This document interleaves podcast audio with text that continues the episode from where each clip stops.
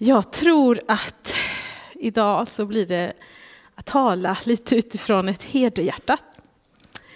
Och det gråter inom mig för det här herdehjärtat som vi har i pastorsteamet för församlingen Fristaden.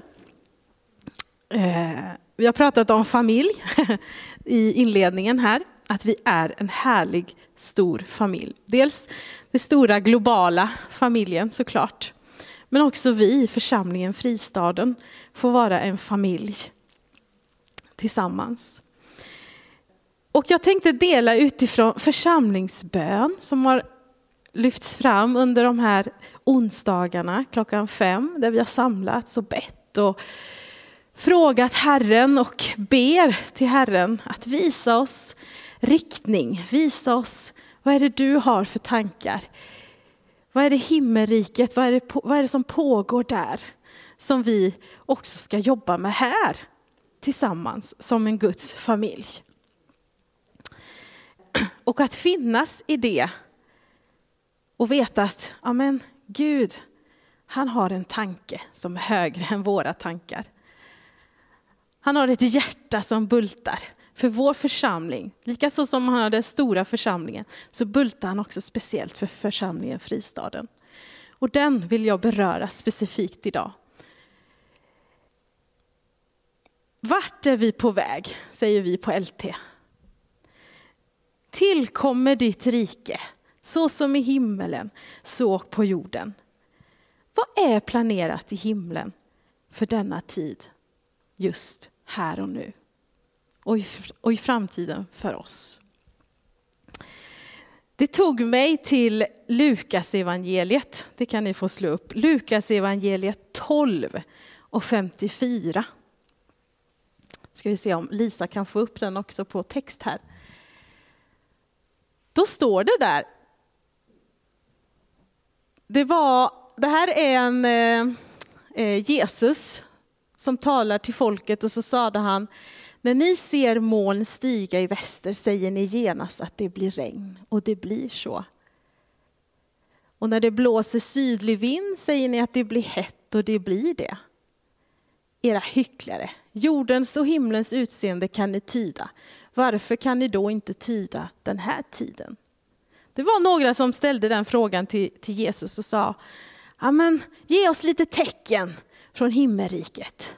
Ge oss lite tecken. Visa, berätta om lite tecken som sker så vi kan veta. Står Jesus där och är lite trött på folket.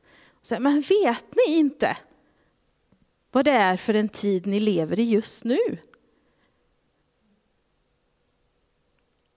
Men då blir jag samtidigt så stolt och så glad över vår församling.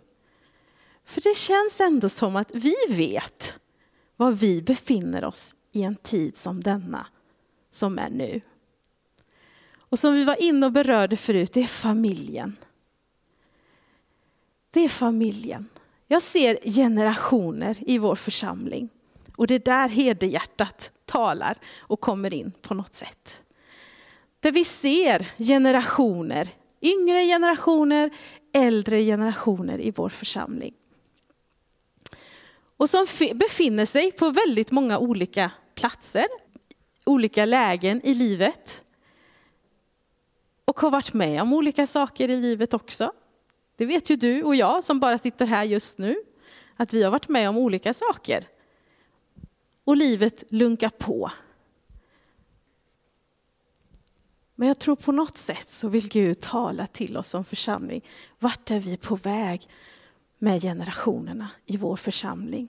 Hur kan vi som, som generationer mötas med varandra? Hur kan vi hitta tillfällen? Hur kan vi se och höra varandra? Ha förståelse för varandras olika processer i livet som ser väldigt olika ut. Och inget är fel och inget är rätt. De är som de är. Men hur kan vi se varandra och, och upptäcka varandra mera? Hur kan vi skapa utrymme? Och jag tänker också nu i bön och fasteperioden. när vi har en del, ja, men vad är det vi ska offra Gud? Vad är det för, vi offrar en tid kanske. Ja, men då behöver vi ju fylla den tiden också med något kanske. Och vad fyller du och jag den tiden med? Är det att vi säger, ja men Gud, jag ska ge dig en halvtimme på morgonen varje morgon. Det ska jag göra min sann. Och så vaknar man klockan åtta. Så går man och hämtar sin kopp kaffe och dricker den. Och så har halvtimmen gått för du har njutit av din kaffe riktigt noggrant. Och tittat ut genom fönstret och solen skiner och insett att halvtimmen har ju gått. Och så går du där stolt. Jag offrar en halvtimme Gud för dig. Och nu säger inte jag för att döma någon eller för att trycka ner någon, det måste ni verkligen förstå. Utan det här är från hjärtat, utan mer tänka, hur kan jag fylla den tiden jag tänker att jag vill offra till Gud? Jag vill ge till Gud, jag vill, vill jag fylla den med, med att bjuda hem någon kanske? Och sätta den tidsperspektivet kanske mer i eftermiddag, när jag vet att jag kan möta och bjuda in en yngre generation hem till mig, kanske. Nu bara jag ploppar ut idéer och jag tror Gud är med i de här tankarna där vi får flöda tillsammans och där du får tänka till när vi är i den här bön och fasteperioden. Ja, men hur? Hur Gud? Du visar oss riktningen, du visar oss vilken tid vi befinner oss i. Du visar oss i en tid där vi är generationer som inte riktigt möts i alla lägena. Om ni tittar runt omkring här, om ni blickar just nu runt hela lokalen och tittar bakåt, tittar framåt, tittar uppåt, tittar åt sidan. Och så ser du att det är ett barn vad jag har sett, som min, min Elin. Där har vi en till ser jag nu. Men det är inte så många som är här just nu. Med det vill jag inte säga att vi inte har barn och barnfamiljer, för att jag vill tala om för er att de också träffas på, ute på Bjursjön, där vi har sagt att det finns familjesamlingar där ute. Men de är, de är där. Och jag tror att de, när de, om de stannar upp, eller vi stannar upp tillsammans med dem där ute vid Bjursjön och ser ute vid Bjursjön, då är det väldigt många unga. Och de ser inte de äldre kanske. Var är de då? Och inget är fel av de här två samlingarna. Det vill jag poängtera gång på gång. Att inget av dem är fel. Men jag vill att vi på något sätt så tror jag det finns en generation som behöver mötas med varandra. Och det tog mig faktiskt till första krönikeboken. ska ni få ta fram. Första krönikeboken 22. Här går vi in i en berättelse om kung David och Salomon, sonen. Där kungen förberedde sig lite inför sin död kan man väl säga. Han visste att han, han var på väg dit, men han visste också att han hade fått en, en vision, en tanke från Gud av att bygga ett tempel för Gud. Han hade det i, i sin process med Herren och hans folk. Men så visste han också att han skulle lämna denna jordeliv. Men det jag älskar om David, kung David, det är att han inte stannade där. Att ja, jag kommer dö minsann. Och vad härligt och halleluja för mig. Och jag kan vara med de heliga i Guds rike, i himmelen. Utan han tänkte mer, oj, han... jag ska läsa den ukrainska texten, det var ju lite... Jag ska se, ska jag ta fram den själv. Eh, första krönikeboken, vad sa jag mer? 22, tack. Och 5, nu så. Då står det så här, det som är otydligt längst upp.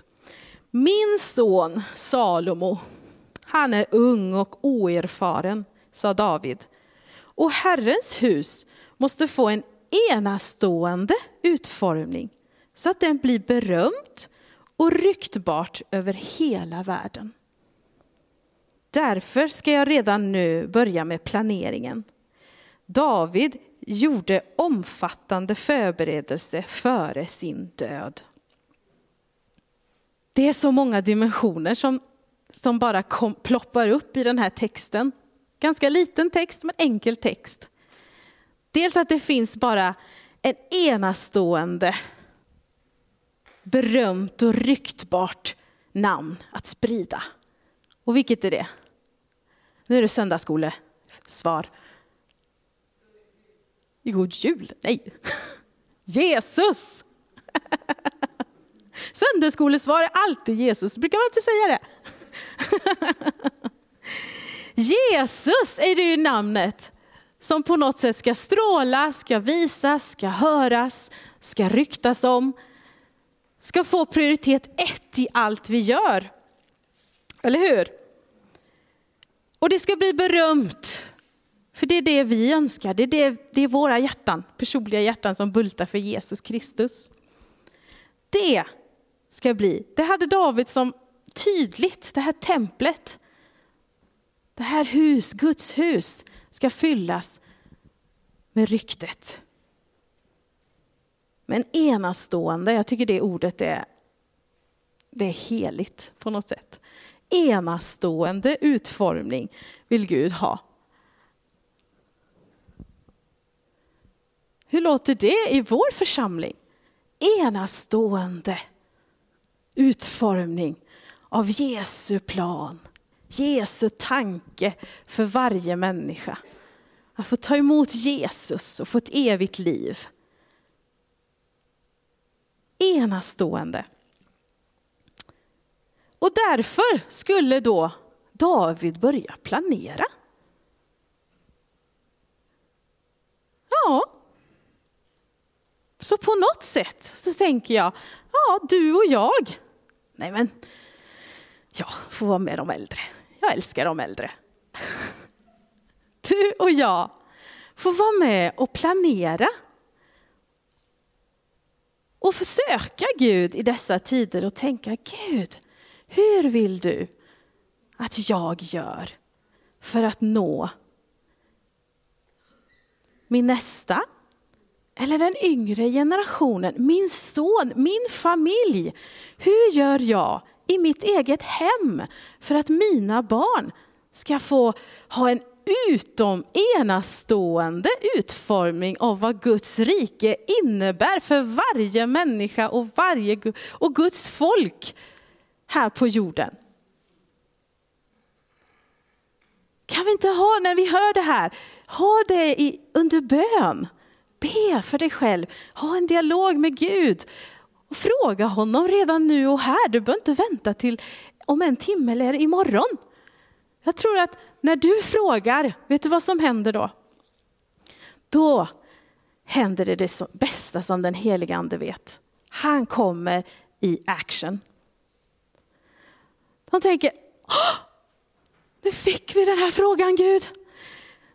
Yes, anden, han börjar jobba direkt. Hur, hur Gud ska jag göra för att min familj ska få en enastående utformning av vad det innebär med Guds rike. Jag tror den helige ande jobbar redan nu och han sänder alla sina änglar redan nu för att jobba i ditt hem, för att jobba i ditt hjärta, för att jobba i mitt hjärta och jobba i mitt hem. Och jobba i mitt, mitt arbete, bland mina människor som jag möter på Torp, på Coop. Det, det rullar igång ett arbete här som den helige ande älskar att vara delaktig i. Och om vi bara är med och är medvetna. Nu vet jag inte exakt vad det står i Bibeln, men jag vet att det pratas om omedvetna och medvetna handlingar. Och jag tänker om vi kan vara lite mer medvetna om vad vi gör och hur vi planerar framåt och hur Gud tänker. Så att det kan bli ryktbart. Ja, men du vet den där Rojas-familjen alltså. De följer ju Gud. Den där Rojas-familjen. Alltså, de är så vänliga mot varandra. Undrar varför det är. Ja, vi ska nog fråga. Varför är ni alltid så glada? Ja, men Jesus vet du. Jesus. Han är den som kom i våra liv. Vi är inte perfekta, det lovar jag. Men vi älskar Jesus, vi älskar Gud av hela vårt hjärta. Mm. Och där, än en gång, så klappar herdehjärtat. Gud, hur vill du i församlingen Fristaden? Hur vill du få till det så att vi möts mellan generationer? Du har gjort det en gång tidigare och du gör det säkerligen igen. Det har jag ingen tvekan om och inte ens otro i, utan snarare tro i. Frågan är bara hur? Och att det också kan bli på ett nytt sätt. Att vi inte går i gamla mönster, utan i Jesu Kristi mönster. Att ta hand om varandra. Hjälp den ena och den andra. Det är ganska enkla bud. Var inte avundsjuk på din granne. Utan älska din granne. Det är en av de tio buden vi har som vi lätt kan lyfta fram i vår vardag. Ja, men jag, jag går och hjälper honom istället. hade min granne häromdagen när det kom jättemycket skottning och snö, eller snö och vi skulle börja skotta och han började beklaga sig att ah, den där traktorn, alltså han som kom, han gör ju inte riktigt sitt jobb för han tog inte hela svängen i våran, i våran vändplan. Och där fick jag stå och säga, ja du, sånt händer ibland. Vi stod lite ifrån varandra så vi nästan skrek till varandra. Men hur går det? Vi får i alla fall lite muskler, sa jag till honom. Ah, du är allt för rolig du, säger han till mig. Ja, och vet du vad, sa jag på köpet sen. Snön smälter nog snart, för våren är ju på väg. Ah, men du är för positiv, säger han då. Och det fick vara en liten enkel gest. Men det berörde säkert hans hjärta, tänker jag. Jag sår någon liten frö här och där i de folk jag möter. Och det bor ganska många pensionärer där jag bor också, vid den leden. Så jag, ja, jag är fylld av äldre människor i mitt liv. Och jag är väldigt stolt, för jag vet att det finns erfarenheter som jag gärna lyssnar på. Och jag uppmuntrar dig, tro inte att den yngre generationen inte vill lyssna. De är, ja, men vi vet väldigt mycket. Nu, nu gick jag över till yngre generationer plötsligt. Vi kan så mycket och vi vet så mycket och vi har så mycket kunskap om det ena och det andra. Ja, och det är bra. Men jag lovar dig, vi vill också lyssna på erfarenheter, berättelserna. Bibelns berättelser. Hur kan du få in dem i dina berättelser med den yngre generationen? Dina barnbarn. Ett exempel är ju också att mina bröders barn får jag också så in i på olika sätt.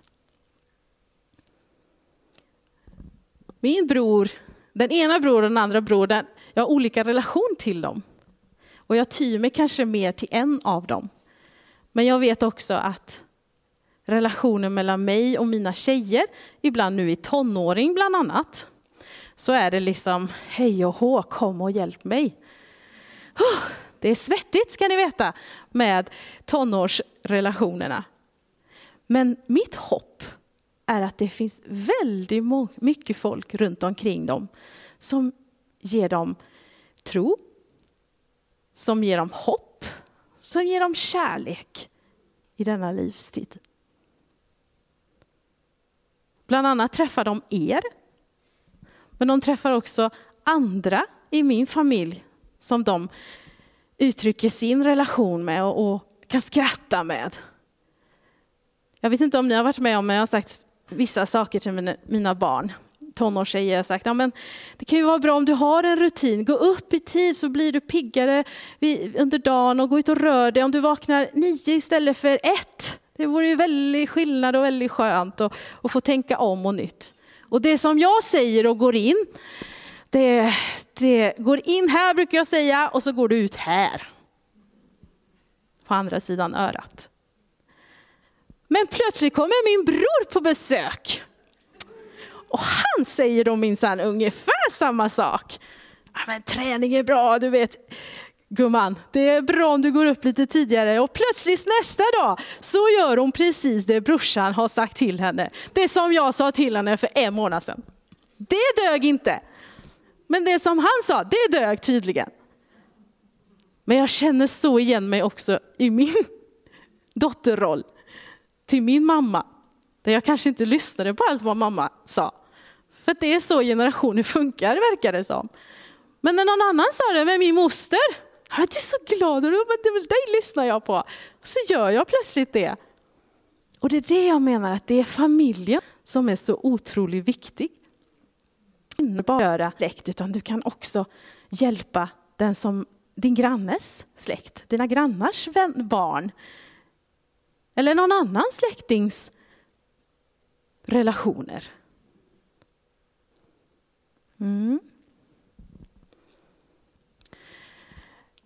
Igår när vi körde hem från eh, en liten möteshelg som var i Göteborgskyrkan med Back Hudson så fick jag en bild där, eh, ganska klassisk bild, men jag tänkte men gud, är det inte så här det är? Då var det en, en löpbana, ni vet när man tävlar och springer och så såg jag en man, en kvinna, jag såg inte dess form, men den sprang med en stafettpinne otroligt snabbt. Och det sprang och det sprang och det sprang och det sprang. Och plötsligt så såg jag nästa, lite längre fram, en annan människa som stod redo och skulle ta emot den här stafettpinnen. Ni ser er eh, tävlingsarena nu. Men för er som inte gillar så mycket tävling så kan jag beskriva. Då ska jag tanken att man ska ta över den här stafettpinnen och springa vidare. Men med den här, oftast går den processen väldigt, väldigt snabbt när man tittar på tvn på alla de här löpningarna som man gör.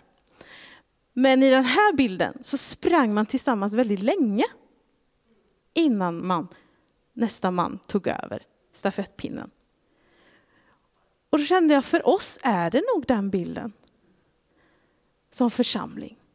Att vi behöver, vår process att springa tillsammans är lite längre, men är lika betydelsefull. Där vi får två generationer springa tillsammans. Springa länge och springa lite längre.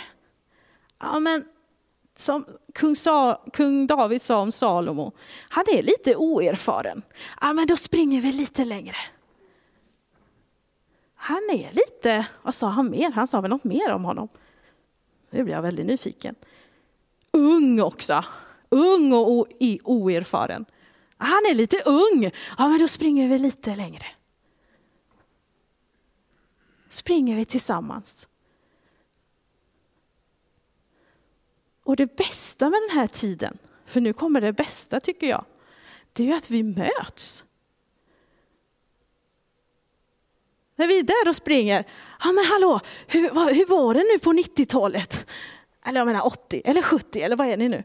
60? Jag vet inte.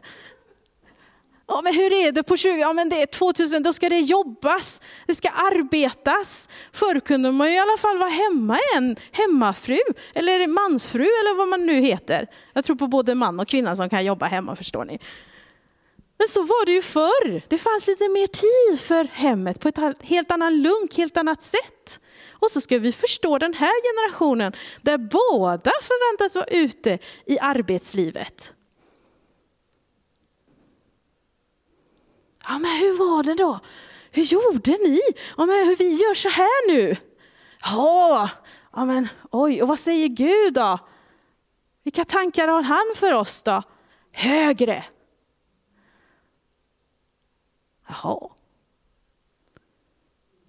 Och så får vi mötas i den konstellationen.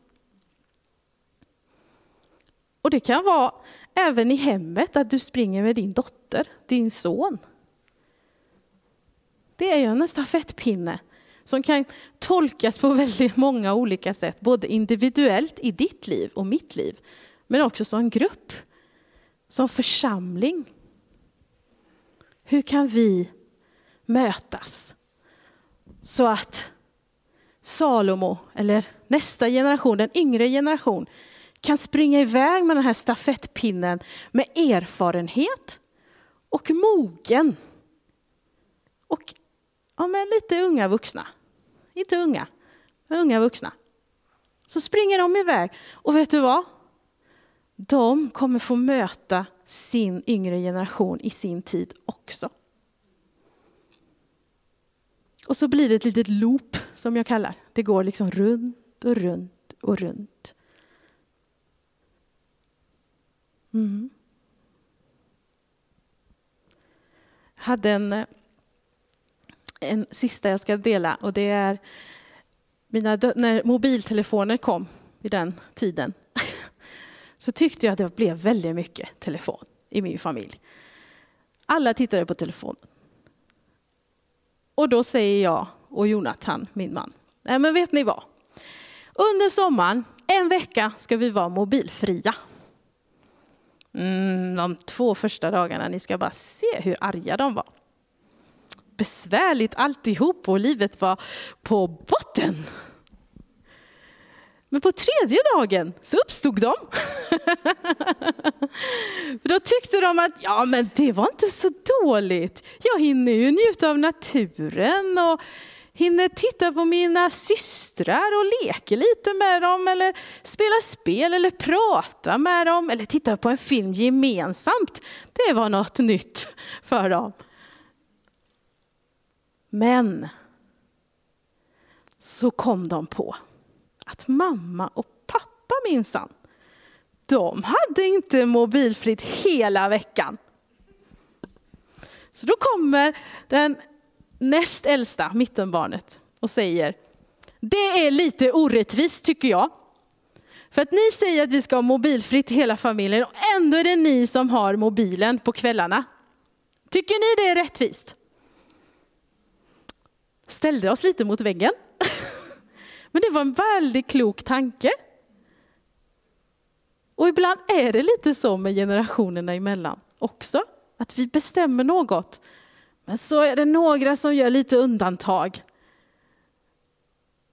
Och antingen kunde vi ha sagt, nej vi, eller det sa vi kanske i början i och för sig, vi bestämmer minsann, vad står ni här och tjoar för? Så här har vi bestämt. Och vi är vuxna. Vi kunde hitta massa vuxna argument till varför jag skulle ha mobilen. Jag skulle betala räkningar och jag måste gå in till banken och jag måste gå in och kolla mina mejl. Men vi hade också, Jonathan och jag, två dagars mutterhet. Och tredje dagen uppstod vi igen och sa, nej men nu får vi göra rätt. Det är ju, inte, det är ju sant. Om, de säger att, om vi säger att vi ska ha en hel familjevecka utan mobil, då får vi ju också stå för det såklart. Men sånt tar tid också att landa i och att ta. Mm. Så herdehjärtan bultar för vår församling. Och låt oss bli lösningsfokuserade och inte problemfokuserade. Ja, men den här yngre generationen, alltså, de gör det här, det här, det här, det här, det här. Nej, det kommer inte gå. Vi skippar det. Vi tar nästa kapitel. Vi stannar här i vår lilla bubbla och lever livet vidare. Nej, låt oss vara lösningsfokuserade. Och be Gud om att hitta dessa lösningar, hitta dessa vägar. Var öppen öppen för den heliga andes vägledning som leder dig. Och i de stunderna när du möter folk, lås dig inte utan snarare se det som en möjlighet. Ah, just i denna stunden, denna hade jag inte alls planerat. Men nu blir det så. Och jag öppnar mitt hem, mitt famn, mitt hjärta. Både i berättelse men också i handling. Ja. Känner ni med mig i detta hederhjärta? Jag tror verkligen att Gud har en väg och högre tankar för oss. Och i den riktningen vi ska gå. Att Gud kommer ge oss verktyg, redskap, lösningar, idéer, tankar. Och som vi har sagt under hela bön och fasteperioden, får du till dig något, kom till oss, berätta. Vi vill vara en församling som är öppen. En öppen kyrka för alla generationer har vi som visionsord till och med. Hur kan vi jobba tillsammans? Och låt mig säga dig, vi behöver varandra. Kan du säga det till din granne? Vi behöver varandra. Mm. Och en sista sak. Är du tjurig över något? Ja, men gå då också fram och säg det. Håll det inte för dig själv. Gå då fram till din granne och säg det du sa där. Jag, vill, jag skulle jättegärna vilja ta ett snack med dig. Då gör, det är så man gör i familjer. Man talar om det som besvärar också. Man håller det sig inte, då blir det bara jobbigt det med. Det var lite själavård på köpet.